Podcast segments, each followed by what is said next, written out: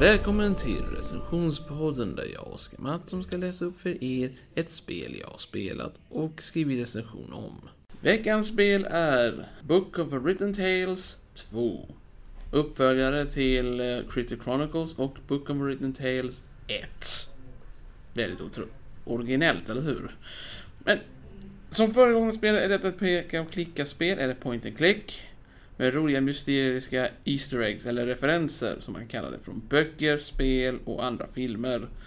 Till skillnad från förra spelet så kunde du ändra och förändra dina karaktärer och till skillnad från föregående spel som var det backing eller stöd utav någon spelutvecklare så var det att de bad folket, ville ni ha detta spelet gjort? Som gjorde en Kickstarter.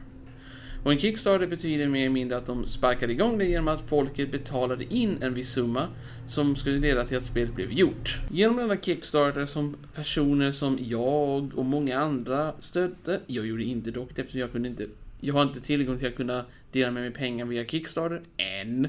Men det finns spel som jag vill att gärna stödja. I vilket fall så, det blev en lyckad succé med att folket allihopa sa ja, vi vill ha en uppföljare till detta spel. Och efter Kickstarter massakrerades utav likes och nedstödande så blev spelet gjort.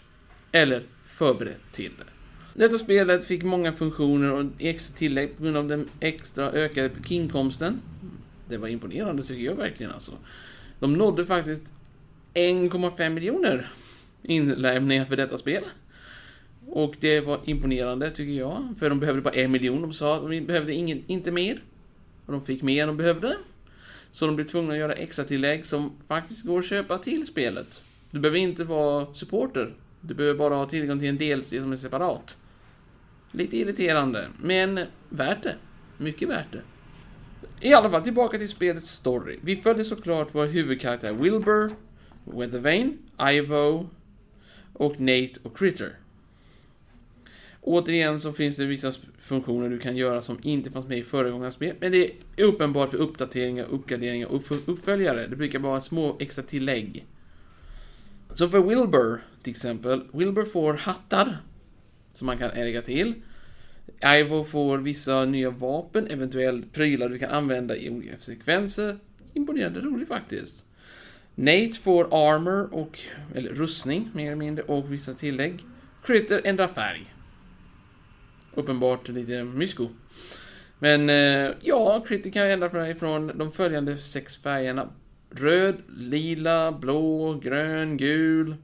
Och jag tror det var till och med rosa faktiskt bland allihopa. Men jag tror rosa är hans standardfärg, vilket gör det ganska komiskt att den ingår. Men det är därför du ska kunna ändra tillbaka till normal färg. Spelet fortsätter ungefär där det föregångna spelet började med en anticlimactic start. Med att se Nate falla från himlen. Detta, är en, detta kan jag faktiskt berätta eftersom att det användes i demot och demot är gratis att testa så jag rekommenderar att ni spelar demo som innehåller kapitel 1. Eller i alla fall hälften av kapitel 1. Nate faller från himlen och han börjar prata om allt han har varit med om och sen plötsligt säger han Och jag hamnar i den här situationen. Varför? Ja, det hamnar i den här situationen varför? För att han har gjort någonting dumt som vanligt och han hamnat i klistret. Senare kan man fortsätta med Wilbur som har blivit nu, ja, en mästertrollkarl. En gnom. Mästertrollkarl? Nej. Låter lite mysko. Men medan Ivo har blivit frånskild från Nate, vilket vi allihopa som fansen tyckte var blodtörstigt dumt, men det visar sig att det är en slags historia bakom varför. Hennes föräldrar tyckte inte om detta och det leder till, ja, att hon också inte gillar Nate, men kan inte glömma bort honom. Medan Critter följer efter Nate var han än går och försöker hjälpa honom så gott det går. Men något mörkt kommer hända i storyn. Ja, ni kanske tycker det låter uppenbart, men ja... Det mörka är inte bara en, utan det är fyra stycken, nej, nej det är inte, tre olika ondskefulla prylar som händer på tre olika platser och alla hänger ihop.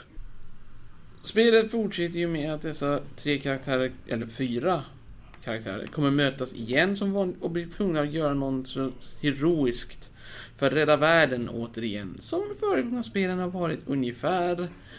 Men med mystiska eh, referenser och Easter eggs som till exempel Lord of the Rings referenser, eh, Harry Potter-referenser. Det var nytt faktiskt egentligen, för det var inte med i förra gången spelet. Eller kanske, jag kommer inte ihåg.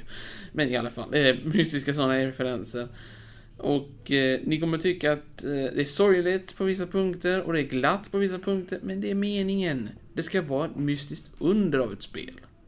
Ja, och för vad point klickspel så tycker jag att detta spel är otroligt.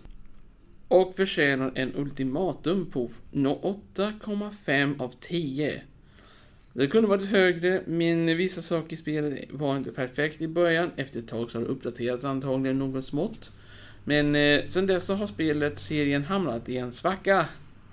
Denna svacka betyder mer eller mindre att ja, det har inte kommit någon uppföljare på flera år sedan spelet släpptes. Och jag tycker det är sorgligt, men jag vet eftersom att de bytte namn, bolaget, från Nordic Games till THQ Nordic. Detta betyder att de köpte upp alla prylar som är med THQ och THQ och Nordic Games jobbade tillsammans med detta spel. Vilket gör det till en chans att de kan och kommer kunna göra en uppföljare någon gång i framtiden. Jag tycker att detta spelet är värt det. Och jag tycker det är 100% värt det, även om det kostar lite mycket. Men annars, hoppas att ni njutit av det. Jag hoppas att ni har njutit av denna recension. Och jag hoppas att ni kommer höra vidare nästa gång. Hejdå!